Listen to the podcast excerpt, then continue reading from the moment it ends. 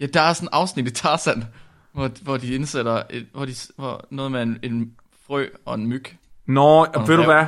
og en slange. Er det, ikke, er det ikke det der afsnit, hvor øh, Jane hun køber en gul blomst af en rejsende salgsmand, som hun så planter i junglen, Det kan godt være. og så spreder den sig overalt, fordi den er en invasiv art, Har du set det og afsnit, så vi er ender nødt til det at med, spørge om det? at øh, elefanterne går amok, fordi den er velsmagende. Men så er der et problem, fordi den gror ind på chimpansernes territorium. Jo, jo, Mark, Mark, er det ikke afsnit, er det ikke afsnit 18 fra sæson 1? er det rigtigt? Har du set det afsnit, fordi ja, vi ja. spørge om det? Uh, Seeds of Destruction fra den 23. september 2001. Det er faktisk sjovt, fordi at, at det er egentlig ikke så meget en debat om invasive arter. Det er også et politisk drama mellem Turk, øh, lederen af chimpanserne, og Tantor, som er leder af elefanterne. Vi bringer en advarsel. Den følgende podcast handler om vanvittig videnskab. Al forskningen, der præsenteres, er 100% ægte og udført af professionelle. Mark og Flemming står ikke til ansvar for eventuelle misforståelser, men minder jer om, at de altid har ret. Husk at være dumme. Kan du tr- Mark, tryk på knappen, Mark. Tryk på knappen. Knap, hvorfor knap? Den der Åh, oh, ja. ja. med, dim- med dingeling. Øh, Den, den her. Nej, ikke den knap. Den her. Åh, oh, det er så sejt, det der med knapperne. Ej. Nå, nu skal vi være stille, mens musikken spiller. Skal vi? Skal vi det? Nej, nu snakker vi bare ind over. Det er lige det... så fint. det, hvad var det nu, det hed, det der dårlige show med dukkerne? Anna og Lotte. Nej, ikke, øh, det var ikke fraklerne. Det var det der wannabe-fraklerne. Gnotterne. Gnotterne. Ja, de stod også altid og snakkede, mens at øh, rulleteksterne kørte. Nå, nå. Hej og velkommen til Spækbrættet, din bro til vanvittig videnskab. Jeg er jeres vært i dag, Flemming, det misforståede monster. Nej, du kan ikke. og jeg er en harmløs sort enke, Mark Lyng. Uh, det levende uh. fossil. Det er levende fossil. Nå, jeg troede, det, var det du, jeg, troede, jeg troede, det var det, du sagde. Mark har fået et soundboard! Åh, oh, det er så fedt. Det er mega fedt. Sejt. Så nu, Har kan vi, du fået nu den? kan vi spille. Nu, den her, den kommer til at blive afspillet rigtig meget til, til Flemming. Nej, nej, har du ikke sådan en dåslatter i stedet for, Mark? Jamen, den, den bruger vi jo ikke. Så sjov er vi slet ikke. Åh, oh, fuck, Den det er er faktisk den ret vild. på Den fortsætter i 15 sekunder. mis- What? Det er alt for lang tid. Det er det faktisk. Det- Er det den fra Mr. Bean? Det ved jeg ikke. det lyder fuldstændig som den fra Mr. Bean. det kunne det godt være. Ej, jeg har, det, jeg, har, jeg har det mega awesome over, at vi har fået et soundboard, men også virkelig silo over, at det er dig, der sidder med knapperne. Ja, det er så dejligt. Men jeg, jeg tror, det er meget godt, det er mig, der sidder med knapperne, for hvis du gjorde, så ville der aldrig nogensinde komme et afsnit ud af det. Det ville bare Nej, Nej, altså- altså... kon- konstant være dåselatter. Ja. Ja, det, er- det er jo faktisk meget rigtigt. Nå, Nå men øh, i dag, der skal vi snakke om misforståede monstre. Misforståede monstre. Ja. Og det er ikke politikere. Fordi Det kunne der, godt være politikere. Nej, fordi jeg synes egentlig, jeg prøvede at researche det lidt, fordi jeg tænkte, det kunne være en sjov joke at snakke om, men politikere er bare monstre. Altså, der er ikke rigtig noget at misforstå. Det er rigtigt. Det største monster var mennesket. Uh, Hvad er misforståede monstre? Hvad mener du med det? det er øh, dyr. Vi dyr. tænker helt, ja, dyr, der har fået et dårligt omdømme, måske, ja. Ja. som ikke nødvendigvis har fortjent det.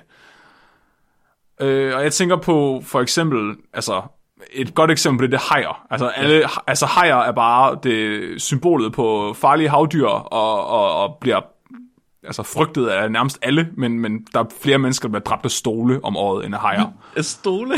Ja. det er en vild fact at have. Ja, Så du skal snakke om hajer? nej, jeg skal faktisk, jeg skal snakke om myg. Okay, myg. Ja. Ja. Det, er, kra- det er fandme også et monster. Hvis der er et dyr, jeg ikke forstår, hvorfor er sat i verden, så er det, fa- så er det myg. Og du er ikke den eneste, der har det sådan. Det Ja, er et, ikke. det, det er det er sådan lidt en, øh, hvad hedder det, en gave til min ven Frederik, Frederik Gasseholm, som vi havde inde og snakke om de unaturlige love. Fordi, f- altså, hvis der er noget, Frederik hader, så er det myg. Og du kan være sikker på, at lige så snart han har fået noget at drikke, så starter han en meget, meget intens samtale om, hvor meget han hader myg. Er det rigtigt? Og hvor god en idé det ville være, hvis de uddøde. Og, Hvorfor? n- ja, det er, fordi han virkelig bare hader myg meget. Altså, det betyder virkelig noget for ham at hade myg. Det, det er virkelig sjovt. Ja, du, at du kan være sikker på, at hver eneste gang han er med til en fest, der bliver fuld, og altså om det er hans egen mor, eller om det er nogen, han aldrig har mødt før, han skal nok snakke om, hvor meget han hader myg sammen med dem. Hvorfor har han sådan en vendetta mod dem? Hvad har de gjort ham? Han synes, han hader bare myg. Hvorfor? Hvad har de gjort ham? Det er fordi, de, jeg tror, jeg ved det ikke, men jeg tror måske, han er en af de der mennesker, der bliver et virkelig meget myg. Nå. Så for ham der er det virkelig, det er bare fordi, de er irriterende. Så det er ikke fordi, der, han, han kender nogen, der er død af malaria eller sådan noget. Og det tror jeg ikke. Nej, han, han, er, han synes bare, de er irriterende. Jeg, jeg tror, det er derfor. Det, jeg kan også godt se, at det er også en virkelig god grund til bare at have noget så meget. Men er du, ikke, hvad, er du sådan en, der bliver et af myg? Øh, ikke forfærdelig meget, en lille smule. Ja, Jeg, bliver- jeg bliver nærmest aldrig stukket, altså. Er det rigtigt? Ja, Ej, du har det fandme fornemt, mand. Ja. Det er faktisk rimelig unfair. men det er det. Men det er også fordi, jeg har så meget, jeg har så meget hår på benene, for eksempel. At de kan ikke rigtig lande på dem. Det, nej. Det er sådan lidt, det er sådan en pigtråd. Sådan en skyttegrav for min, mit kød. Ligesom jungle. Men de kan Ja. ja. godt lide jungler. Jeg er ikke helt sikker på, at den, den passer Nej. sig. Så Mark, jeg snakker om myg. Du, sn- ja, og jeg skal snakke om æderkopper. Om så, æderkopper. Altså, hvis det andet monster, hvis ikke det er mennesket, der er det største monster, så er det myggen. Men også æderkopper. De har små otbenede sataner. Altså, og så specielt de farlige, man godt, de har jo, de, som alle ved, så har de farlige æderkopper, de har gift nok til at myrde en elefant. er det right? rigtigt? Er det, åh, det er de der stankelben, der er Har i de, eller, eller har de ens det? hus. Nå ja, det er rigtigt, ja. Men de er faktisk, det er faktisk ikke æderkopper. Nå, det er stankelben.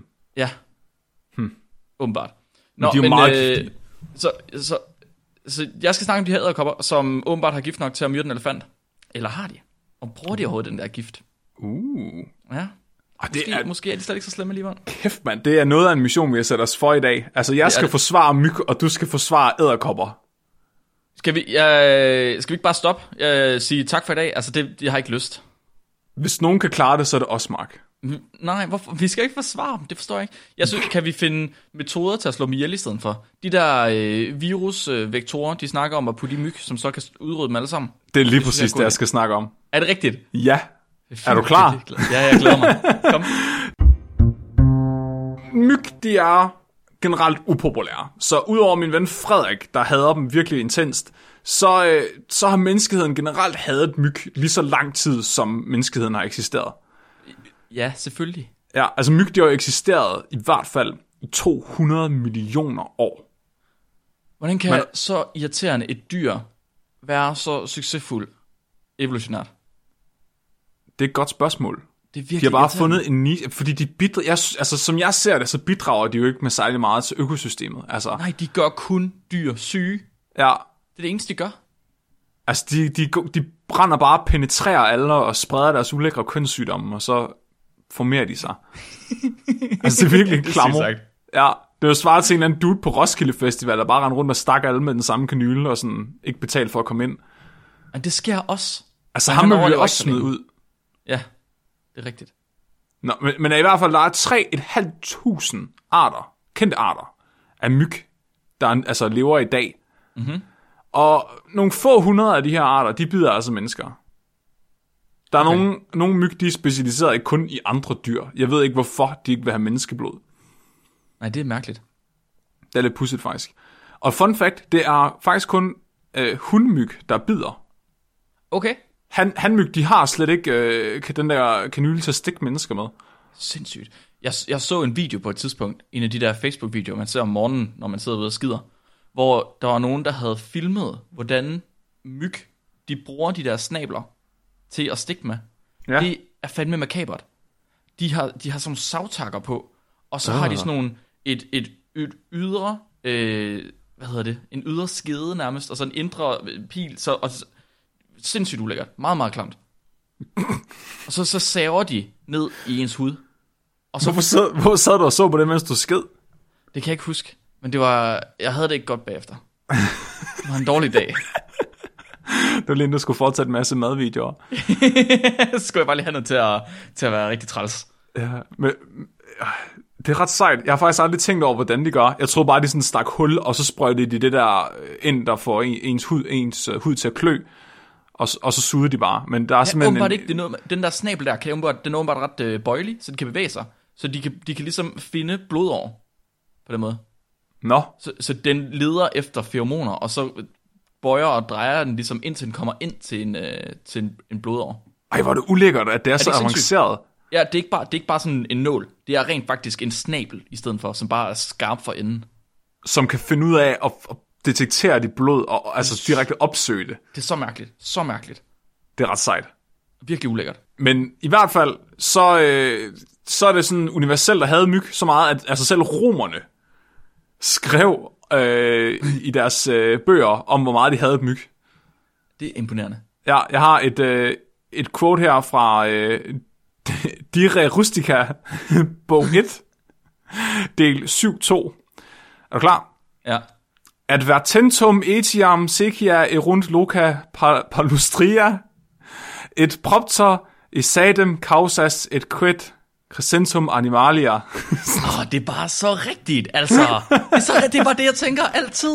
Kæft, mand. Ja. Så relatable. Og hashtag. Åh, ja. Ja, hashtag så- myg. Hashtag latin. så, så til dem, der ikke kender latin, så, så er det, for attentiveness must be taken, if in any way in swampy places and for the same reason, and because there are bred certain small creatures, these things which the eye cannot follow, and they travel through the air, into the body, through the mouth and nose, and they produce perilous ailments. What? Ja, så, Undskyld, hvad? Ja, Igennem så... munden og næsen. ja, jeg ved Altså, ikke lige om det er en- Sluben, det skal, det skal han lade være med. Det er en super dårlig idé.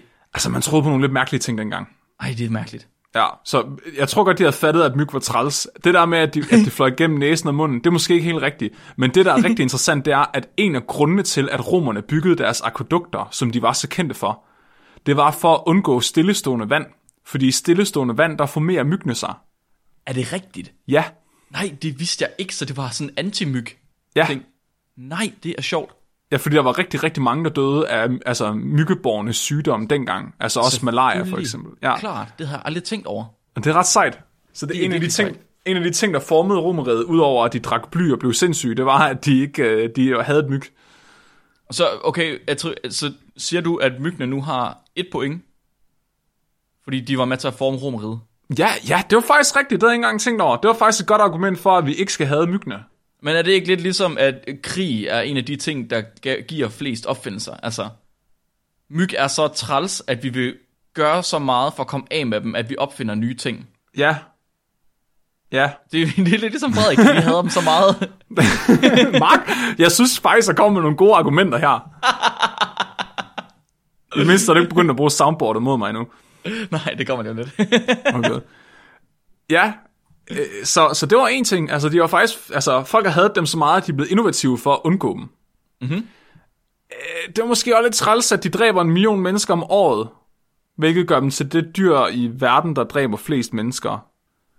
Ja, øh, Men man kan jo sige, at overbefolkningen er jo også alligevel et problem, ikke? Så du ved, det, måske er det er meget godt. så Altså, to point. Ja, det, det, det tror jeg. Så de To er... point til Ja, ja. Så måske er det værd at holde på. Der er også, altså, der er nogen, der virkelig altså, har gjort en karriere ud af at have myg. Så der er nogle forskere, som, som, du, som du nævnte, der er i gang med at prøve at finde ud af, hvordan vi udrydder myg. Så ligesom at vi snakkede om tidligere, at man blev så træt af passagerduen i USA, at man bare drev jagt på den indtil den uddøde, så er der nogen, der har tænkt på, at de gerne vil dræbe alle myg. Og de har på et ret- eller andet tidspunkt opdaget, at det tager rigtig lang tid, hvis vi skal klaske alle myggene. så i stedet for at klaske alle myggene på én gang, så har de besluttet sig for måske at prøve at dræbe dem med moderne genetik. Det er ret sindssygt. Det, lyd, det, er jo, det er jo i virkeligheden starten på en zombiefilm, de har gang i. Altså, det er For- sådan... forklar. Alle, det, er, det er alles frygt, det her. Det er det der med at putte en... Hvad, er- jeg ved ikke engang, er det et stykke DNA, de putter ind i, eller hvad? Et eller andet molekylærbiologisk. Put det Ja. ind i en myg, og så går den ud, og så bider den tusindvis af mennesker, og så bliver menneskerne til zombier. Wow, det havde jeg ikke engang Fordi tænkt at på. det lige pludselig løber løbsk. Det kunne være ret sejt. Ja, men også bare lidt ubehageligt. Men det er også bare lidt sjovt, fordi øh, når man snakker med biologer, som næsten alle sammen er sådan nogle konservister og konservatører, hvor det var, altså Mhm. mm-hmm. folk, der gerne vil konservere dyreliv, så skal man altid sørge for ikke at udrydde dyr. Ja. Men når det kommer til myg, så går du bare mok. Så gør du bare, hvad du kan. Altså, væk Nej. med den. Vi gider ikke have den. Siger biologerne også det? Um, øh, det ved jeg ikke. Jeg ved ikke, om de biologer er dem, du øh, snakker om der. Men det tænker jeg da. Øh, det, det ved jeg faktisk ikke, om de er biologer. Jeg tror, at de er molekylærbiologer måske, ligesom os. Nå, så det gør... Okay. Ja, så de arbejder med CRISPR blandt andet. Så, mm. så, så tanken er, at de vil bruge det, der hedder gene drives, til at uskadeliggøre eller dræbe myg med. Og et gene drive, det er et gen, der af sig selv kan, kan flytte sig. Så mm. normalt så gener, det er jo opskriften på, vor, på alt i vores krop, og gener de bliver videreført, når vi, altså når vi får børn, så får børnene, de får gener fra deres forældre, og det samme gælder myg, altså myggelarven får gener fra sine forældre. Men de her gene drives, det er simpelthen gener, der ikke behøver at blive ført videre på den måde. Altså de kan simpelthen hoppe rundt inde i dyret, og placere sig selv i dyrets DNA. Øh, Hvad sker der så, når det gør det? Så, så øh, det kommer an på, hvad det er for et gen. Okay. Så, så, så i sig selv, så, øh, så altså selvfølgelig har genet evnen til at flytte sig. Så, der er jo, så i det gen, der er jo opskriften på for eksempel en endonuklease eller et eller andet enzym, som kan klippe i DNA, og så sørge for, at, at det selv bliver sat ind bagefter. Der, der, mm-hmm. Med CRISPR for eksempel, der kan du så skræddersy det, så du selv bestemmer, hvorhenne genet skal sætte sig i genomet. Altså hvilke base, hvilke, hvilken opskrift skal den genkende, hvor skal den sætte sig, men du kan også bestemme, hvad det er for et gen, den skal indeholde. Mm-hmm. Så du kan, du kan basically sige, jeg vil gerne sætte det her gen ind på steder, der ser sådan her ud. Og, og det kan du så bruge til for eksempel at ødelægge det eksisterende gen. Du kan også bruge det til at indsætte nye gener. Og det er det, der er så smart, fordi så kan du i et sygdomsfremkaldende dyr, som, øh, som en myg, men så, kan du, så kan du for eksempel fjerne nogle gener, der måske gør, at den er sygdomsfremkaldende, eller at, den, at der gør, at den kan overleve i det hele taget. Ja, okay, på den måde. Ja, så, så det, det startede egentlig med, at man i 2011, inden CRISPR var en ting, så vil man bruge det, der hed en homing endonuklease gen. Og det er forkortet mm-hmm. som en hæk. Og det er egentlig øh, i dets mest primitive bestand, det, altså det er nok den mest primitive udgave af det her, man kan få. Så det er bare et gen, der hopper ind et bestemt sted i genomet, og så spreder det sig. Og øh, det er ikke så avanceret, at man kan få det til at gøre alt muligt. Det er bare sådan, du ved, det kan sprede sig. Mm-hmm. Og det kunne de få til at sprede sig. I 2011, der kunne de få det til at sprede sig til 85% af alle myg i en population, når de testede det. Okay. Og det der, det der er, ligesom er ideen, det er, at når øh, en, når en myg bliver genmodificeret til at have sådan en hæk i sig, så placerer hækken sig i alle de kromosomer, altså alle de steder i, i, i, øhm, i myggens arvemateriale, hvor den ikke findes. Mm-hmm. Og så når myggen den formerer sig med en anden myg, som så ikke har nogen af de her heks, men så vil deres afkom jo så også få gener fra, fra den forælder, der ikke har heks. Men når den, når den organisme så begynder at gro, så spreder de her heks sig til alle de gener, den har fået fra den raske forælder også. Så, så det er lidt ligesom ideen med, med, med, med blå øjne og brune øjne, ikke? Mm-hmm. at du, godt, du kan godt have to forældre med brune øjne, som får et barn med blå øjne, fordi de bærer genene for blå øjne. Ja, ja, ja, klart. Eller øh, omvendt forældre, der har blå øjne med, og en med brune øjne, kan også godt få en med brune øjne, fordi det brune dominerer. Men heks, det er noget helt andet. Altså det siger bare, fuck it, jeg fjerner generne for blå øjne, og så sætter jeg mig selv ind over alt. Og det er derfor, du får 100% videreførsel af genet. Fordi altså, lige, du, det bliver aldrig fortyndet. Altså, det er ikke ligesom folk med rødt hår bliver mere og mere sjældne, fordi at, at genet ligesom bliver fortyndet ud i befolkningen. Nej, nej, fordi heks, de sætter sig ind alle steder, hvor de ikke allerede findes. Og derfor har du 100% videreførsel altid. Og er det så, så vil de bruge det her til at fjerne sygdomsfremkaldende gener, eller vil de bare slå myggene ihjel? Altså, så de har snakket om begge dele. Okay. Så i- ideen er, at, øh, at du for eksempel kan putte et gen ind i myggen, som gør, at når myggen bliver inficeret med en af de her viruser, som den spreder, så dræber den myggen. Ja, okay. Så okay. det, er sim- det er simpelthen sådan en lille landmine, der ligger inde i myggen. Og lige så snart myggen bliver inficeret og bliver sygdomsfremkaldende, så dør den. Men er, er der risiko for, at myggen kan overføre den her hæk til andre organismer? Åh oh, ja, og det er jo så en af tingene. Så de her heks, de er jo sådan ret primitive. Så så dem mm. er der ikke, altså de, gen, de genkender 18 basepar. Det er en ret lang sekvens. Ja. Øh, og de er, de, de er faktisk interessante, fordi at når de er blevet spredt til 85% af en population, så begynder de at forsvinde igen. Mm-hmm. Fordi når de er, når, når, hvis at de ikke længere har mulighed for at sprede sig, så holder de op med at virke. Og det er der, CRISPR bliver mere farligt, fordi i 2014 begyndte man at bruge CRISPR, og CRISPR det er ligesom immunforsvaret fra en bakterie, hvor man kan sætte hvad som helst ind, hvor som helst, mere eller mindre. Ja. Og CRISPR, det forsvinder ikke bare, fordi at det ikke bliver brugt. Altså, det er ikke sådan ligesom en hæk, at den øh, bliver impotent med tiden. Og det er heller ikke sådan, at den stagnerer, når den når til måske 85%. Altså CRISPR, der har du potentiale til at sprede dig til 100% af organismerne i en population. Det er meget mere effektivt. Det, det, er, det er flere end 85. Ja, så, men så problemet er jo så lidt ikke, hvis du gerne vil slå alle myg ihjel med CRISPR, de skal jo nå at kunne, kunne videregive CRISPR-genet, inden de dør. Ikke? Mhm. Mm. Hvis du kan også give dem et gen, så de bliver sterile, men de sterile dyr videregiver jo ikke deres arvemateriale. Så i tanken er lidt, at man måske kunne, øh, kunne give dem et eller andet gen, som ligger øh, i dvale, indtil de bliver udsat for et eller andet specifikt, og så dør de alle sammen samtidig. Når de Der alle er sådan en sammen... form for, så en form for kill switch i genet. Ja, Ja. og det er jo mega spændende. Altså, du, du, altså man, man, snakker, man tester faktisk de her CRISPR gene drives i mus, og man tester dem i myg, og man tester dem i frugtfluer, og man tester dem i svampe lige nu. ja, jeg så i Unnatural Selection, kan det ikke passe på Netflix, der snakker de om at bruge dem øh, mod rotter på Hawaii eller sådan noget. Jo, jo, jo. Så det er uh, The Genetic Biocontrol of Invasive Rodents programmet, Okay. som er i gang med at udrydde mus fra bestemte øer, hvor de er invasive. med er det her. sindssygt. Ja. Og de er allerede begyndt at, at teste. Altså, så de har tænkt sig at udrydde alle mus fra et bestemt område ved at putte de her gene drives ind i dem. Det lyder jo lidt vildt, det lyder som det modsatte af det, øh, biologer de altså står for. Ja.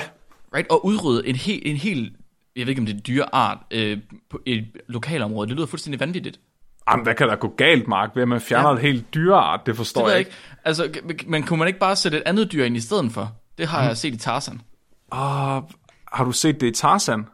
Ja, der er sådan en afsnit i Tarzan, hvor, hvor de indsætter et, hvor de, hvor noget med en, en frø og en myg Nå, og ved du ræv. hvad? og en slange. Er det, ikke, er det ikke det der afsnit, hvor øh, Jane hun køber en gul blomst af en rejsende salgsmand, som hun så planter i junglen, det kan godt være. og så spreder den sig overalt, fordi den er en invasiv art? Har du set det Og afsnit? så Fordi du ender lyst til, at det vi med, spørger Om det. at øh, elefanterne går amok, fordi den er velsmagende. Men så er der et problem, fordi den gror ind på chimpansernes territorium. Jo, jo, Mark, Mark. Er det ikke afsnit, er det ikke afsnit 18 fra sæson 1? er det rigtigt? Har du set det afsnit? Fordi ja, ja. du spørger om det. Uh, Seeds of Destruction fra den 23. september 2001. Det er faktisk sjovt, fordi at, at det er egentlig ikke så meget en debat om invasive arter. Det er også et politisk drama mellem Turk, øh, lederen af chimpanserne, og Tantor, som er leder af elefanterne. Så de sætter æderkopper ud for at æde planterne, ikke? Ja. Men så er de nødt til at sætte frøer ud for at æde æderkopperne. Og Mhm. så mm-hmm. til sidst så sætter de slanger ud for at æde frøerne. Øh, og så, øh, så kommer der sådan en meget dramatisk klimaks, hvor at øh, elefanterne de begynder at kaste frugt på, på chimpanserne. Og så Tarzan han skal ligesom være diplomat, og så moralen er ligesom, at der går ild i skoven, og alle, alle de invasive arter dør en frygtelig død i ilden. Så øh, hele ideen med afsnittet, det er, at du skal ikke købe blomster for fremmede. Ja. Ja. ja. Og det er sjovt, det er faktisk Nikolaj Likos, der lægger stemme til Tarzan. For, hold nu, øh, undskyld, har du googlet det eller sådan noget? Hvad? Nej, nej. Hvad, Hvad har du mener gang i? Hvad, hvad, hvad? Ja. Det, det er også sjovt, Robert Askins, som er, som er manuskriptforfatteren til det afsnit, det er faktisk det sidste, han er blevet krediteret for at skrive, og han arbejdede også for Street Sharks og Sonic the Hedgehog. Det er så forfærdeligt. Hvorfor gør du det her mod mig? Men det er sjovt, altså det er jo egentlig et interessant afsnit, men jeg synes også, at det er et dårligt eksempel på invasive arter. Altså mest fordi det egentlig mere handler om det politiske drama, der foregår mellem Tyrk og Tantor. Øhm, Men det er jo bare A-plottet. Det er jo fordi, jeg er interesseret i B-plottet. ja, altså jeg synes jo for eksempel, at afsnit... Øh, altså, Okay, okay, okay, okay, jeg forstår det. kan vi komme tilbage til Der Gene er, Drives? der, er også, der er også afsnit af The Simpsons fra den 27. september 1998, der hedder Bart the Mother, Nej, har du fundet alle afsnit om invasive arter? hvor øh, Bart han roer et par æg ud, som viser sig at være en sjælden type travøjler fra Bolivia, som æder alle duerne i Springfield. øhm, og der er også Bart vs. Australia fra den 19. se- februar 1995, hvor øh, Bart han slipper frøer ud i, i, i Australien. Var det ham? Ja. Var det ham, der gjorde det, den satan? Jeg vidste det. Nå, Okay, undskyld, jeg nævner ikke det afsnit igen. Jeg er ked af det, det. det er sjovt, at jeg lige kom til at sidde og se et afsnit i går aftes. Nå, lige kom til. Er du klar over, hvor fucking lang tid det tog at finde det afsnit? Hvorfor har du også fundet det fra Simpsons? Det forstår jeg ikke. Oh, fordi jeg sad og kig, jeg, jeg, I fucking kid you nok, jeg sad og fandt alle afsnittene på den der fucking Tarzan-serie. Er det rigtigt? Og så sad jeg og skimmede dem igennem og læste plottet til dem, og jeg kunne bare ikke finde det nogen steder. Ej, det er sindssygt, så Flemming. Det er for tænker jeg- meget. Så tænker jeg, det var fordi, at du huskede forkert. Fordi hver gang jeg googlede noget med invasive arter, så kom der noget op med The Simpsons. Nå, okay. Men så lige inden jeg gav op i går, så opdagede jeg, at det var det der fucking afsnit, der handlede om Tyrk og Tanser, der var uvenner. At det lå inde i det afsnit. Jeg vidste det. Ja. Jeg kan bare se. Åh, oh, jeg vidste bare, du ville sige det. Selvfølgelig. Åh, oh, ja. Og oh, undskyld, vi snakker om myg. Ja, og gene drives. Hvor er jeg helt forvirret nu. Ja, vi snakker om udrydde øh, myg og mus med gene drives, fordi at, øh, at man hader dem. Ja. Man snakker også om, ja, og, og øh, der er en Omar Akbari og hans øh, kollegaer fra øh, UCSD, som, som arbejder på at, at lave sådan en dream drive, der faktisk dræber myg lige så snart, at de bliver inficeret med en af de fire udgaver af denguefeber. Okay. Sådan så, at du ikke bare sådan udrydder dyret generelt, men at du kun udrydder dem, altså udrydder dem der er sygdomsfremkaldende. Mm-hmm. Basically, ideen er, at, at folk hader myg så meget, at de har tænkt sig at udrydde myg. Ja. Og nu vil, jeg, nu vil jeg så komme med mine top tre argumenter for, øh, hvorfor vi skal beholde myg, og hvorfor det... at myg bare er et misforstået monster. Det bliver titlen på afsnittet det her, eller på en video. Ja. Top 3 grunde til, at vi skal, vi skal redde myggen. Jeg er slet ikke clickbait, fordi det her er nogle Overhovedet. rigtig gode argumenter. Så okay, fint nok, en million mennesker dør om året af myg, og hvad så? Fordi og grund, og det her det er ikke bare nogle grunde, jeg har fundet på. Altså det her det er de tre argumenter, der går igen alle steder, hvor folk forsvarer myg. Er der folk, der forsvarer... Hvem forsvarer myg? Jeg Udover ved dig. det. Biologer. Ej, det er fandme... Folk, Folk, der har brugt deres karriere på at følge efter myg. Som folk nu- der har set det der Tarzan-afsnit. Ja. Ja, det der fucking, altså afsnit 18, altså afs, afsnit 18, sæson 1, altså. Jeg, læ- og jeg, jeg har fucking, jeg har kilde med til afsnittet også, hvis der er nogen, der vil ind og finde det. Var det godt? Så grund nummer et til, vi, at, vi, at vi ikke skal udrydde myggen, det er, at man kan bruge den spyt til at øh, behandle hjertekarsygdomme med. Mm-hmm. Så de her 20 forskellige proteiner, som er i deres spyt, der modvirker blodkoagulering, når de skal suge blodet, altså at blodet klumper sig sammen, det kan måske bruges i øh, kampen mod hjertekarsygdomme, fordi det kan bruges til at forebygge øh, blodpropper. Okay. Kan man ikke bare lave det kunstigt? Jo, Okay, det var Jo, bare det. det kan det var, man. Det var bare mit spørgsmål. Hvorfor Mark. skulle vi så bruge myg? Hvorfor skulle man malke myg? Det er ligesom de der øh, horseshoe crabs, de der, øh, hvad hedder det, dolkhaler, tror jeg, de hedder på dansk, ja, som har blåt blod, Ja. ja. som man, det er det, man bruger til, øh, man, man malker dem for deres blod, fordi man bruger dem til at lave antistoffer mod, til vacciner eller sådan noget. Jeg kan ikke helt huske det. det er en god grund. Også de der bæver, hvor man malker deres numser for deres øh, vaniljesmag. Jeg så lige, jeg så lige en artikel i går, øh, hvor der var nogen, der havde fundet ud af, at man kan få vanillin ud af komøg i stedet for. Nå, hva- åh, er det bedre at spise kolort, end det er at sutte på et bæverrøvhul? Så nu behøver vi ikke at malke bæverrøv længere. Hvad? sorry, grund Altså, Nej, nummer de skal to. ikke begynde at lave det ud af kolort. Jo, jo, jo, det er meget bedre. Meget bedre, Flemming. Åh. Grund nummer Grund to. nummer to, det er, at øh, myg kan i nogle tilfælde hjælpe med at bestøve planter. Ah, Ja, fordi de nogle gange øh, spiser nektar fra planter, øh, eller blomster, eller bare gemmer sig i dem, når det regner. Og derfor kan de ligesom bier en lille bit smule bestøve planter. det er i virkeligheden en rimelig god grund. Men bierne gør det allerede bedre. Men de, er på, de er ved at uddø. jo. Det er sandt. Og myg, de virker fandme ikke til, at de uddør nogensinde. Ej, det tror jeg Så vi lader dem uddø. De har i hvert fald haft et rimelig godt run de sidste 200 millioner år, kan man sige. Tror du, man kan bruge, lave, have, lave et øh, gene drive, der kan give dem en eller anden ny egenskab, som gør, at de er mere tilbøjelige til at, at bestøve, altså føre pollenmasser? Så- Sådan, så de begynder at stikke blomster i stedet for. Ja, så de, så de tager over for bierne. Det var egentlig en meget... Det ved jeg ikke, om jeg har lyst til, Mark. Nej, okay. Øh, Men er Nu- bier stadig ved at uddø? Jeg troede, de var på vej igen.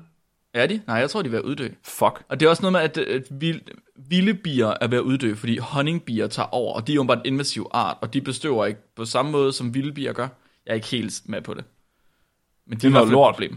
Ja, det Så er, må noget, vi- det er noget lort. Men så kan man jo sige, hvis vi udrydder myggen, så alle de ja. biologer, der har brugt deres karriere på at følge efter dem, de kunne så få en vatpind, og så rende og bestøve blomsterne i stedet for. Nå ja, det var også, det var også meget øh, fulfilling job.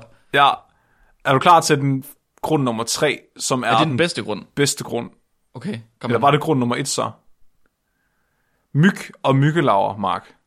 Det er god mad til fisk. Det kan jeg godt se. Det er åbenbart en, en vigtig del af fødekæden. Fordi, Det kan, jeg, ja, fordi fisk spiser dem. Men altså, fuck, altså fisk, de æder jo fucking alting. jeg skulle lige til at sige det, at det er det eneste, de spiser. Er det virkelig nødvendigt at gemme på myggen, bare for at fiskene kan spise dem? Altså, jeg, ved jeg, det kan ikke, jeg, jeg ved det ikke. Jeg synes ikke. Men jeg synes har ikke, det vi er en god- overhovedet brug for fisk, Mark? Det har vi jo ikke, vel? Hvis, hvis det er fisken, hvis vi skal betale for at komme af med myggen ved at komme af med fisken, Ja. så synes jeg faktisk, det er okay. Det synes jeg også. Det synes, det er en fair deal. Kan de ikke bare begynde at spise hinanden i stedet for? Fiskene? Ja. Det gør de jo også allerede, gør det ikke det? Hvad fanden skal de så bruge myg til? Det ved jeg faktisk ikke, når vi løs, vi har løst problemet selv. Det er fandme nemt. Bror, så vi udrydder bare myggen. Det var det, jeg hørte. Spækbrættet siger god for den. Go for it. Væk, væk med lortet. Væk Grøn med lys her fra etisk råd. det. Enten, enten dræb dem, eller lav dem om til honningbier. Det er meget bedre. Ja, meget mere brugbare. e- eller sæt æderkop ud, som så kan spise dem. og så frøer. Og så slanger. Ja, Og så, Og og så så jeg sæt synes også, ild- der var dingoer med. Men det kan være, det er bare mig, der tager den der historie fra Australien. det ved jeg ikke. Blander ind i det. Men altså, de ikke- ender i hvert fald med, at, at hele, altså moralen er, at skoven brænder ned, og alle de der ting dør. Hvorfor brænder den ned? Og så bruger elefanterne deres fucking snabler til at s- slukke branden med, og så bliver gorillaerne sådan taknemmelige, og så bliver de Det venner kan igen. jeg godt huske. Det er rigtigt. Ja, Det er rigtigt. Det havde jeg fuldstændig glemt. det er rigtigt. Hvorfor, hvorfor var der brandmands ting med i det der? det er jo jeg forstår fordi... det ikke. Nej, men det er det, jeg siger. Det er fordi, det bare... s- det, det, det, hele, det handler bare om det der fucking politiske drama mellem tyrk og tanser, som man bare er fucking ligeglad med. Skal vi lave sådan en øh, som bonusklip, hvor det er, at du, du fortæller om afsnittet, så kan vi diskutere, hvorfor det afsnit det ikke er særlig godt. Jamen, altså, det er, og det er en fejl fra Disneys side, ikke? Det var, og det tror jeg, det var det, de indså, at, at uh, legenden om Tarzan tv-serien gjorde en fejl i, at den skulle handle om det politiske klima i junglen, efter at, uh, at Tarzan han blev konge af junglen, fordi der var langt mere interessante ting, man kunne snakke om, end hvordan han var hersker over elefanter og gorillaer. Men ja, det, det, jeg, kan, det, jeg kan ikke ramme rigtigt hver gang, jo. Nej, men den gik også kun uh, en sæson. Der var kun Gjorde tre, den ja, tre afsnit i sæson 2, og det blev lavet om til en film. Wow, jeg synes godt, at jeg har set mere end det, men det kan godt være, at jeg tager fejl. Men der er også sådan 36 afsnit i første sæson. Nå, okay, så er det derfor. Ja. så er der, jeg synes også, der var en serie, hvor han er barn, men den kunne jeg ikke finde nogen steder. Men det er ikke bare filmen. Det ved jeg, jeg synes også, der var en serie, hvor han er barn. Mm. Sådan en Disney-show. Der er, der er den, hvor øh, alle dyrene er børn. Ja, Ja, men er Tarzan med i den? måske det er den der... Nå, ja. Eller også er det den med junglebogen, jeg forveksler den med. Ah, det kan godt, ja, det kan godt være, det ved jeg ikke. Der er, også, Fordi der er i der- hvert fald en med junglebogen, hvor de alle sammen er dyr, og den er fucking underlig. Det er alt sammen underligt. Hvorfor har vi overhovedet set det der? Vi er bare blevet hjernevasket. Prøv at tænke på, hvor meget højere vores IQ kunne være, hvis ikke vi var blevet hjernevasket med det der mær- mærkelige tv. Og jeg vil Altså- altså... vide meget, meget mindre om invasive arter, hvilket vil være rart. Altså, jeg ved jo noget om det politiske klima nu, at øh, man, hvis du har en snabel, så kan du løse alle problemer. Så kan du løse alle problemer. Alle Hvis vi nu genmodificerer Donald Trump til hans snabel, så kan det være, at han ikke starter en krig med Nordkorea. problemer. Det er smukt. Kan vi bruge Gene Drive til det? Ja, det tror jeg. Så får alle, alle amerikanere får en snabel. Det vil være den eneste grund til at beholde myg. Vi Sætter dem alle sammen over til USA og giver dem snabler. Ja tak, eller otte peniser. Eller otte peniser. Det er en pissegod idé. Nå, Mark. Så... Så kom- vi kom frem til, at vi ikke skulle beholde myg. Ja, Okay, det er smukt. Jamen, Så myggen er ikke et misforstået monster, det er bare et monster. Det tror, ja, det tror jeg faktisk. Jeg synes, det var en ret dårlig argument, jeg havde for myggen. Hvis du selv skal sige det. Ja, jeg gjorde, hvad jeg kunne. Jeg synes, du gjorde, jeg synes, du gjorde et stærkt forsøg, Tak. det vil jeg sige. Flemming, hvad tænker du, når jeg siger sort inke?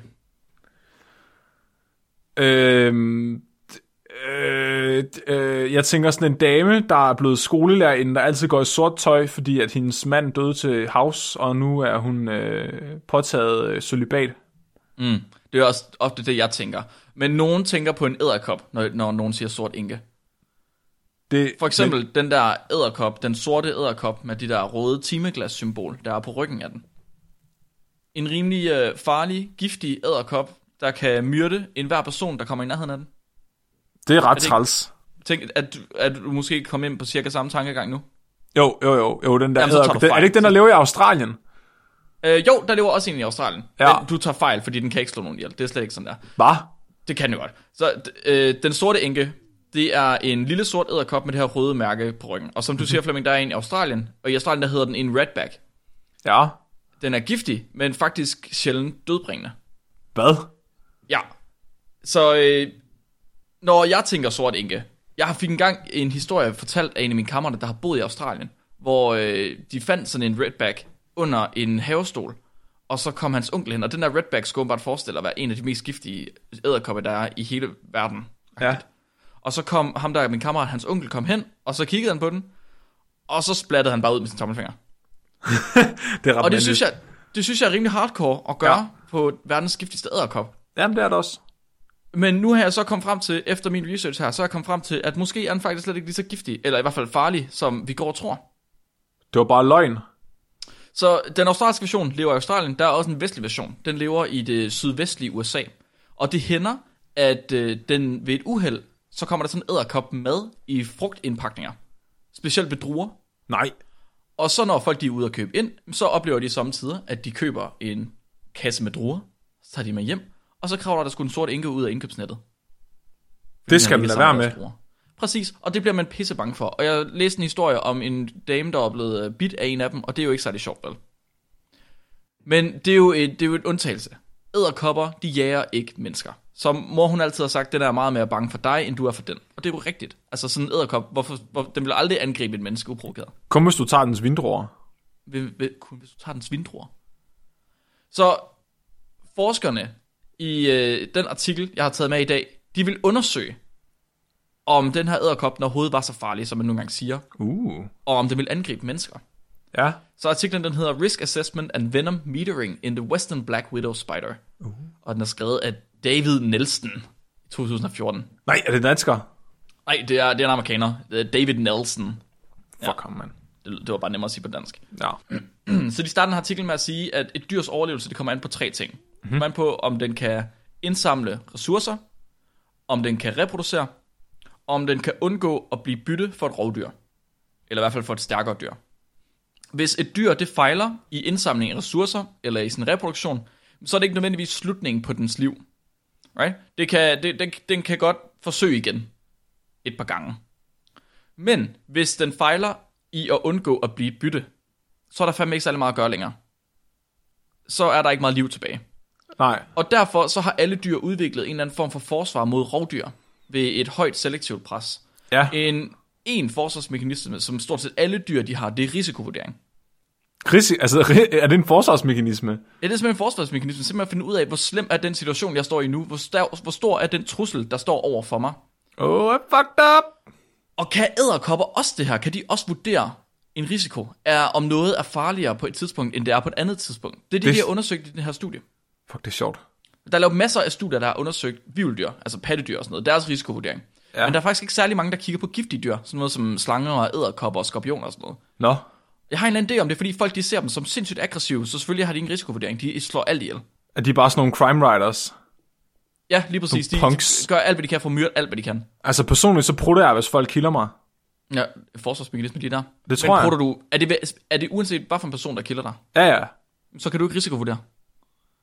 Du- øh, Flemming, du er simpelthen du er, du er dårligere til at risikovurdere end en æderkop. Men til gengæld prutter jeg. Men til gengæld prutter du. Man skal ikke uh, kæmpe som mine skrækprutter, det kan jeg godt sige dig. Altså, det er en effektiv forsvarsmekanisme, men har du nogensinde overvejet, om du kunne spare noget metabolisme ved ikke at prutte hver eneste gang? Ej, det er faktisk ret hårdt at opretholde. Altså, jeg kan skal du virkelig bare se- spise meget, for at have energi nok til at slå sådan nogle klamme prutter. Der, kan- og der kan du bare se, Flemming. Og det er lige præcis hele pointen med det her. Hvorfor man laver en risikovurdering. Så øh, både slanger, æderkopper og skorpioner, de har rigtig mange af dem øh, gift, som de sprøjter ind i deres byttedyr, når de jager. Ja, Ja. ja.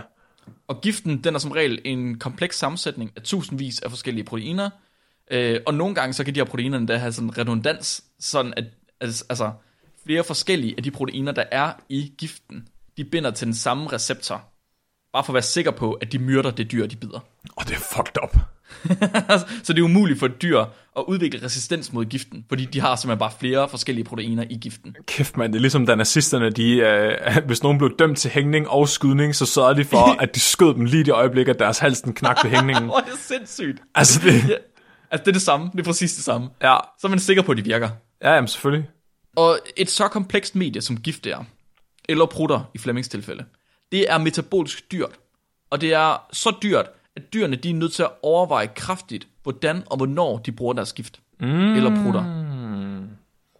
Så hvis de skal bruge det her gift til at fange mad med, så går det jo ikke, at de går og spilder det hele på at bide Karen, der har hentet druer nede i Walmart. Nej. Ej, jo det, det ved jeg. jeg Karen, hun, øh, hun kunne godt være en trussel, tænker jeg.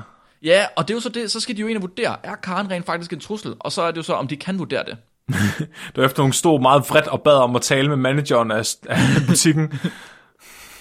High, high threat level. Ja. Der. Så øh, forskerne her, de mener, at hvis de kan styre det, de her æderkopper, hvis de kan styre, hvordan de bruger deres gift, så kan de gøre det på to niveauer. De kan vælge, om de skal bruge gift, og hvis de vælger at bruge det, hvor meget de bruger. Mm-hmm. Mhm. Så det er jo ikke noget, man ligesom tænker over, når man tænker, at en æderkop bider en. Så det er ikke fordi, man overvejer, at æderkoppen kan stå og vurdere, hvor meget gift skal den sprøjte ind i hånden. En, to, tre milliliter eller noget i den stil. lige, med, lige med de bidet. Jeg tror Men der er, også- faktisk, der, der er faktisk flere gange blevet rapporteret tørre bid, hvor en æderkop den har bidt et menneske, men uden at sprøjte sin gift ind. What? Bare Ja, sådan en er det ikke advarsel? vildt? Yes, lige præcis. Fordi den ved, at hvis den bruger al sin gift på det menneske, så får det ikke noget ud af det. Nå, åh, det er Henning det der, han er sgu i orden, men han skal kraftedeme ikke tage mine druer nu, øh. fandme. Ja, lige præcis. Så det var, det var det, de havde testet i det her studie her. Det var, så studiet havde til formål at undersøge, om sorte enker de kan modulere deres forsvarsmekanismer, baseret på, hvor farligt øh, faren er. så de kan simpelthen godt tage en chill pill og være sådan, ah, du det er i behøver, hvert fald det, det, du de vil behøver ikke dø undersøge, i de dag. kan, ja. ja. Ja, lige præcis. Så de siger, øh, at de vil udføre to eksperimenter for at finde ud af det her.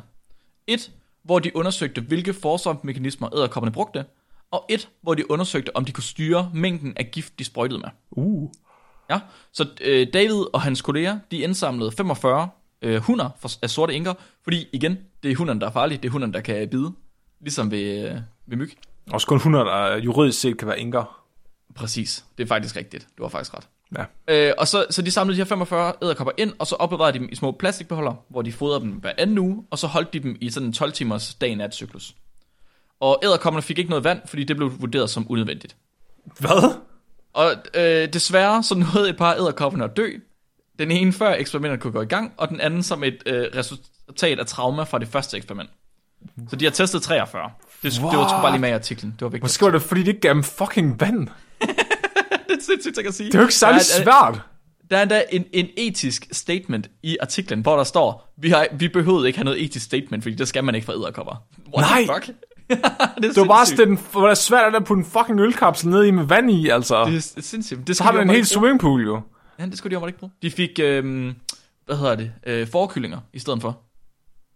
Og de er også Og jeg ret tænker måske, vandholdige. der er så meget vand i sådan, i sådan et insekt, at, at det, de ikke behøver andet vand, de der æderkopper. Jeg ved det, Det- Jeg har engang set et afsnit af Timon og Pumba, hvor de spiser sådan nogle, og der ser de meget saftige ud. Ja, det præcis. Altså, tegnefilm. Tegnefilm, der har alle svarene, Flemming. Hvilket afsnit var det, kan du huske det? Øh, det er det der med kronhjortekapslen. Ej, Ah, pissegodt afsnit. Ja. Pissegodt afsnit. Okay, så to eksperimenter. Ved det første eksperiment, der blev hver af æderkopperne udsat for tre trusler af forskellige grader. Lav, mellem og høj. Og de tre trusler, de involverede en simulering af et angreb, udført af en guilletinefinger. En, en fucking buddingfinger. En fucking budingfinger.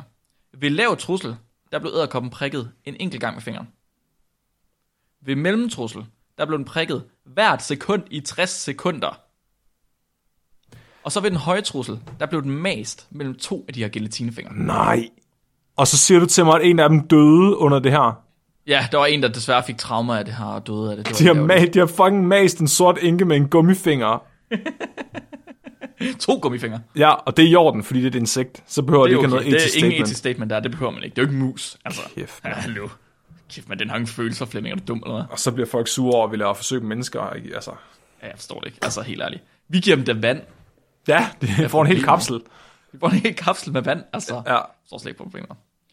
Så ud fra, da de lavede det her forsøg, der observerede de fem forsvarsmekanismer. Så æderkoppen, den kunne enten bevæge sig, altså flytte sig, hvilket giver mening. Øh, den kunne også lave noget, der hedder et silk flick, hvor den simpelthen tager og udskyder noget silke, og så bruger den sine to bagben til at smide det afsted mod sin angriber. Det er ret sindssygt. Så den kan også bide, giver også mening. Den kan åbenbart trække benene tilbage, hvilket jeg helt- ikke helt forstår, hvorfor den skulle gøre. Og så kan den spille død. Vidste du det, at en æderkop kan spille død? Det havde jeg faktisk godt hørt før, at at de sådan krøller sig sammen, så man tror, de er døde. Præcis, de falder simpelthen ned på jorden, og så krøller de øh, benene sammen, ligesom en død æderkop jo gør. Det er mega mærkeligt. Det, det ret- anede jeg ikke, de kunne. Det er ret sjovt. Så, så de havde de her træer for æderkopper, og så har de prikket dem, og de har mast dem alt det, de kunne. Og så havde de øh, set, hvor meget de æderkopper, de gjorde af de her forskellige, øh, hvad hedder det, øh, forsvarsmekanismer. Mm-hmm. Hvor mange af dem, de udførte. og vi kan starte med øh, at kigge på, hvor meget de trækker benene tilbage. Så de har givet en procentsats her, af hvor mange af æderkoppen, der gjorde det, mm-hmm. øh, for den lave, den mellem og den høje trussel. Og det er kun ved den lave og den mellemtrussel, at de trækker benene tilbage. Det er kun 16% af dem, der gør det, så det er ikke særlig mange, der gør det. Nej. De flytter sig kun 84% af gangene ved den lave trussel, altså når de bare bliver prikket en enkelt gang, ja. så er der egentlig 16% der er ligeglade. Ja. Øh, men når det er mellem og, eller høj fare, så flytter de sig 100% af gangene, så gider de sgu ikke være der. Nej. De spiller aldrig død, når det er en lav trussel, men de spiller til gengæld mere død, når det er en mellemtrussel, end når det er en høj trussel. det er fordi, ellers så dør de permanent, hvis de ikke flytter sig ved en høj trussel, jo. Det kunne man forestille sig, at det var sådan noget i den stil. Ja. Og så kommer vi til... øh, Okay, den sjove her, silke, silkeflikket, hvor de kaster med silke. Det gør de øh, i 5% af tilfældene ved den lave trussel, ved 56% af tilfældene ved den mellemtrussel. Altså halvdelen af æderkopperne, de gør det, når det er mellem- eller høj trussel. Så kaster de simpelthen silker efter, efter deres øh, fare. Det er ret sjovt. Det er sådan lidt ligesom, når chimpanser kaster med puha. Ja, lige præcis. Det må være præcis det samme. Men ja. chimpanserne, de gør det for at vise, de er bedre end andre, gør de ikke det? Nu, jeg ser, jeg er meget bedre end dig. Jeg kaster med min egen afføring. er, det sådan, er det sådan, man samler piger op på Crazy Daisy nu? Bare for at det vise, ikke man er alfa-handen. Ja, kast din lort. Ja. Er det, sådan, man, er det sådan, man gør i Herning? Ja. Er det forkert? Nej, det ved jeg ikke. Er det så, hvor troede, det var hårdt man rigtigt. kaster, eller er det kvaliteten af afføringen, der afgør det, eller... hvor stort et område, du kan ramme. Det er ligesom, Det er det, ikke- det er ligesom sådan, øh, en, en, en, hvad er det, næsehornene, eller nej, det er flodheste, der drejer rundt med halen imens, for at, at sprede det så meget som overhovedet muligt. Åh, oh, oh, ja, det er rigtigt. det er virkelig Der mærkeligt. har man lige helikopteren, mens man kaster med den, så er man sikker på. Så er man sikker på, at man får en med hjem. Ja, Nu kom, til den sidste forsvarsmekanisme. Det er selvfølgelig den mest interessante. Det er, hvor meget de bider. Så de, bi- der er ingen af dem, der bider, når de bare bliver prikket en enkelt gang. Der er Nej. kun 2% der bider, når de bliver prikket mange gange. what? Men når de bliver presset på, så bider de så bider 60% af æderkopperne. Kun 60? 60%. Hvad fuck har hende der Karen lavet, da hun tog de vinduer, mand? Jeg, jeg har ingen anelse. Det er simpelthen, men så de er meget konservative med, hvor meget de bider. De Ja. ja. bider virkelig, virkelig ikke særlig gerne. Og kun hvis der er en meget høj trussel. Okay. Så, de, så første øh, spørgsmål er ligesom besvaret, kan de risiko der? Det kan de. De vil kun bide, når det er strengt nødvendigt. Og ellers så vil de hellere kaste med silke, eller flytte sig, simpelthen. Kan man ikke, Men- Men... øh, hvad nu, hvis man lader en vindue ned ved siden af den og prøver at prikke vinduen i stedet for? Om det så provokerer dem mere? Nå, du tænker, at ja, som en form for solidaritet måske. Ja, Sådan sådan de, de lidt, tror, at vindruen er en bror. uh. Eller bare fordi den er fucking glad for vinduer. Altså, den vil ikke af Nå, med det dem. kan også være. Ja, det kan også være. Det ved jeg ikke. Måske. Ja. Det, næste, næste, det er næste forsøg, Flemming. Det gør ja. vi. ja. Men de vil også, et, i det næste eksperiment, der vil de også undersøge, hvor meget gift æderkommer de bruger, når de bider. Så her der tog de et lille plastikrør, og så kom de noget cellofan hen over toppen, og så tog de hver af æderkopperne og pressede dem, enten på et ben eller på kroppen, og fik den til at bide i cellofanen. Nej. Og kan du huske, hvordan jeg sagde, at før der brugte de sådan en uh, gelatinefinger Ja. til at presse dem? Ja. Ja, nu, nu var de blevet dogne, det gad de ikke, så nu tog de dem bare på kroppen i stedet for med en finger. Nej. Med hånden. Åh, Jo, oh, fuck. det er fucking sindssygt. Hvem gør det? biologer. Han var bare ligeglad. Nej, altså. ned, og så... Det er Steve Irwin som forsker. Så øh, de lå de her æderkopper bide på cellofanen, og så efter de havde bidt på dem, så talte de mængden af bid, der var i cellofanen. Ja. Det kunne de simpelthen se, hvor mange huller der var. Og så målte de mængden af protein, der var i hvert rør. som en form for, hvor meget gift er der. Ja. Og så gentog de det øh, tre gange, enten med 5 sekunders mellemrum mellem hvert pres, eller med 5 minutters mellemrum mellem hvert pres. Og det er ligesom for enten at have et langt angreb, eller tre forskellige angreb. Giver det mening? Så de har to simulationer. Ja, ja. Simuleringer. Ja. Og så, øh, så får de ligesom ud, hvor meget der bliver brugt af, af gift, alt efter, at de bliver trykket på benet eller på kroppen. Og det er også lidt specielt. De kan simpelthen vurdere, hvor meget gift de skal bruge. Så når de bliver trykket på benet, Ja. så udskyder de mindre gift, end når de bliver trykket på kroppen. What? Ja, til gengæld så bider de mere, når de bliver trykket på benet. For at man sådan der skal kompensere for, at de ikke slår dig ihjel. Det sådan, var, jeg tror måske, det er en form for advarsel, de laver. Ja. Så når de bliver trykket på benet, så ved de godt, okay, det, det er farligt, men det er ikke nødvendigvis 100% farligt. Nej. Så de skal bare advare. Ja. Ja. Så de bider mere, men uden at bruge giften. Huh. Når de bliver trykket på kroppen, så er de godt klar over, at nu er det, nu er det alvor. Nu skal vi gøre noget. Så derfor så bru- bider de én gang, og så smider de alt deres gift afsted på det. På det. det er lidt ligesom øh, hunde. De, øh, de nogle gange tager de også bare noget ind i munden for sådan at advare og sige sådan, jeg kunne godt bide, men Ja, præcis. gør det ikke.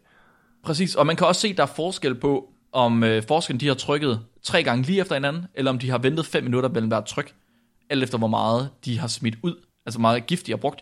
Ja. Fordi når de ventede 5 minutter mellem hver, så virker det som om, at æderkoppen har troet, at det var fem forskellige angreb, hvor den skulle bruge frisk gift til hvert angreb. ja. Right? Fordi det var forskellige, øh, øh, kalder man det, øh, angrebsfolk, Ja. Ja.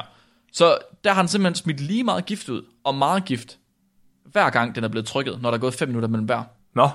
Så, når der kun var gået 5 sekunder, så har nogle af dem været tørre, så har der simpelthen nogle af de angreb, der ikke har været, øh, der ikke har givet noget gift. okay, så er, det, så er det fordi, de har fundet, ud af, okay, det er det bare fucking irriterende, jeg dør ikke af det.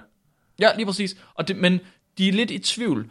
De kan ikke helt finde ud af, fordi nogle gange så øh, smider de giften afsted som det første, nogle gange smider de giften afsted som det sidste, og de er ikke helt klar over hvorfor. Og de har en idé om, det måske er noget med, at øh, hvis deres giftlager er helt øh, tø- tømt, så skal de vente på at få mere. Ja. Øh, men de kan også være, at de måske venter med at bruge deres gift til allersidst. Så det er ligesom de to ting, de har. De kalder det venom metering, når de Ja. ja. venter med at bruge det. Så de ligesom afmåler, hvor meget er nødvendigt at bruge. Så simpelthen, hvor, hvor tålmodig æderkoppen egentlig er. Ja, lige præcis. Og de finder simpelthen ud af, at æderkoppen den kan vente med at bruge sin gift.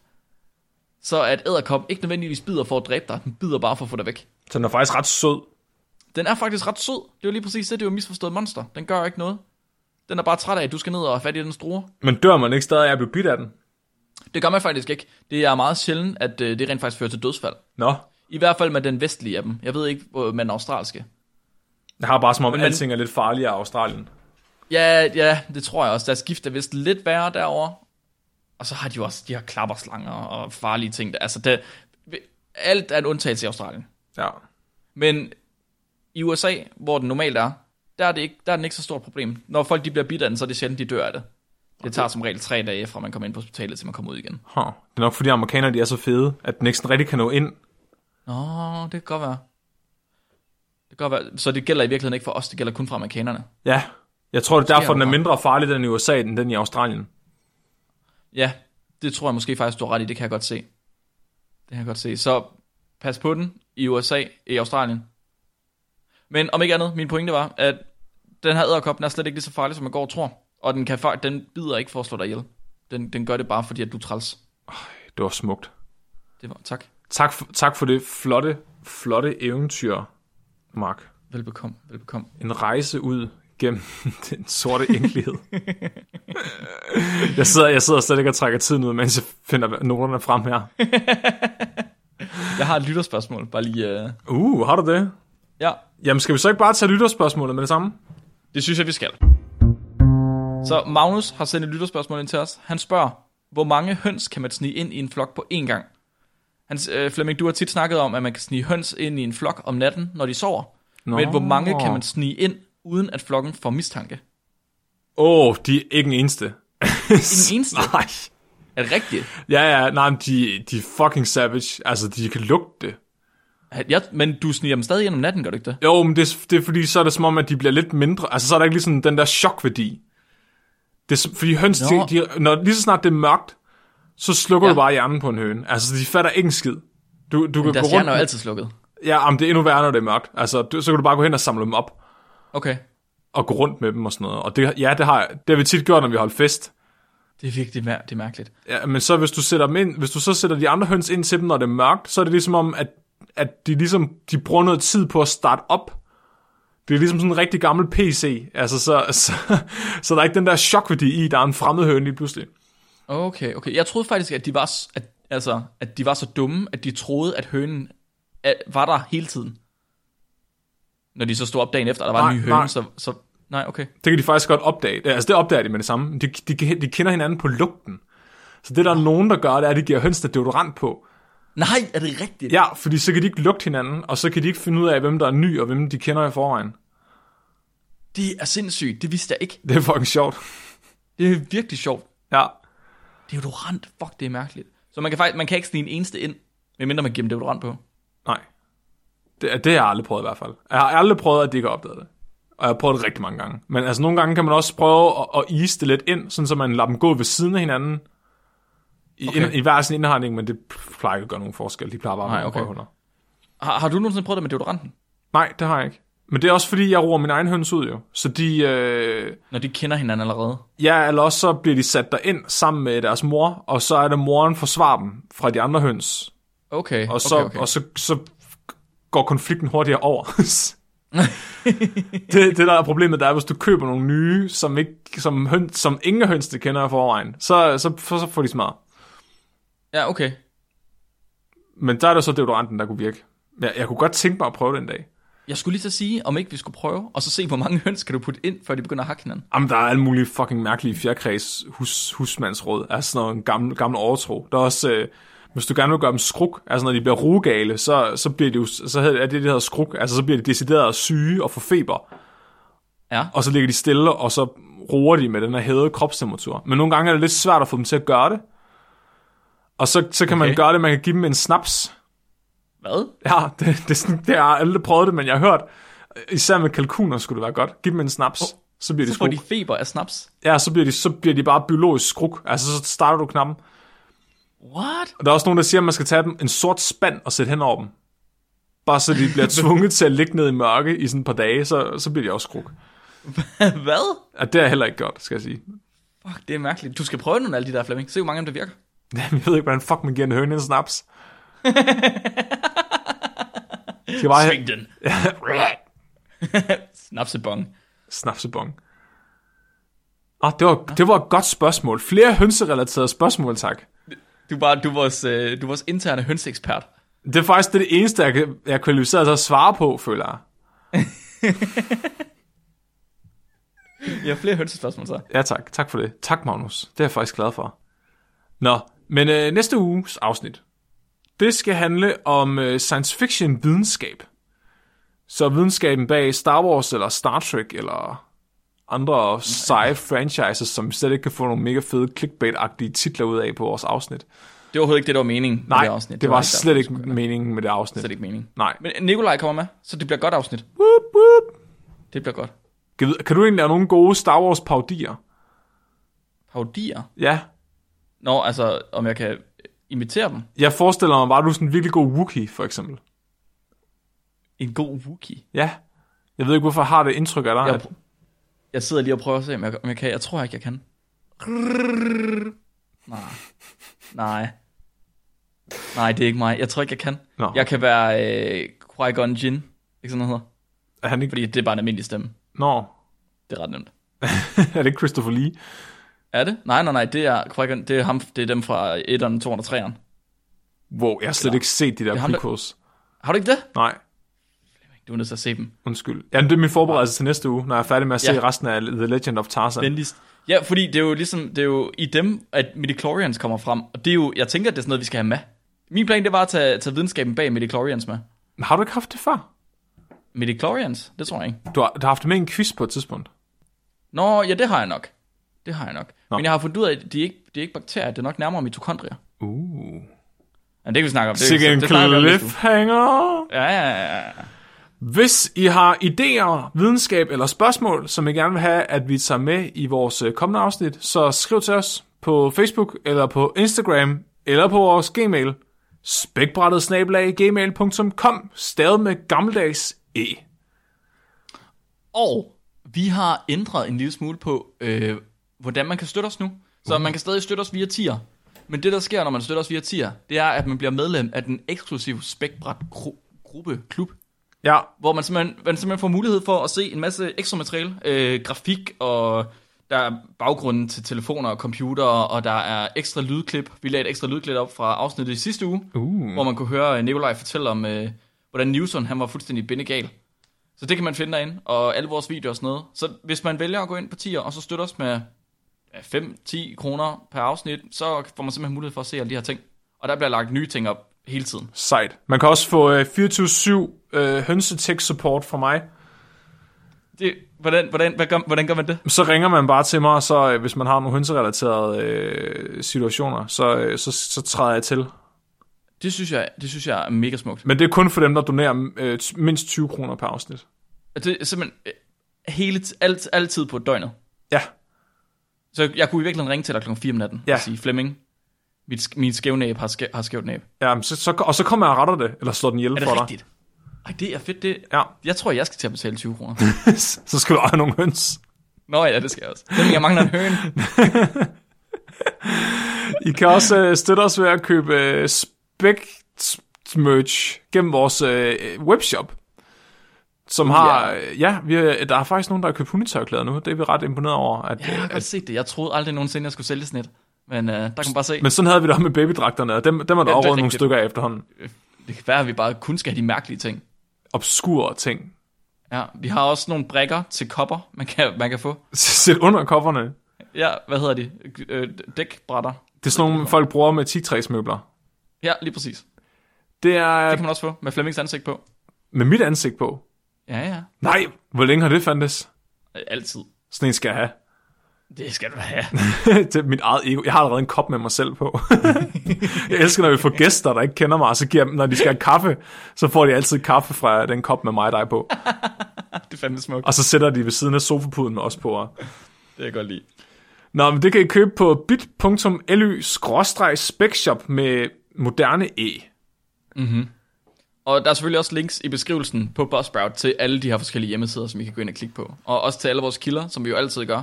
Og øh, jeg, nu tænker jeg også, der kommer en kilde på til Tarzan-afsnittet. Det har jeg over alle afsnittene af Simpsons. Ah, perfekt. Så det kommer også på. Så det, alt det, det kan I finde på beskrivelsen inde på Buzzsprout, hvis I øh, klikker på linket. Boom. Yes. Er vi klar til dagens dyrefakt, Flemming? Uh, kom med ja. Ja. det. Så det, jeg tænkte, øh, den styrfakt, det handler faktisk om sorte inker. Og det er en lidt vild historie. Så der var tre drenge fra Bolivia, der for nyligt har lavet sig blive bidt med vilje af en sort inke, fordi de troede, at de ville blive til Spider-Man. og deres forældre blev skældt ud af den bolivianske sundhedsminister. Deres forældre. Ja, mit navn er Mark. Mit navn er Flemming. Du har lyttet til spækbrættet. Husk at være dumme.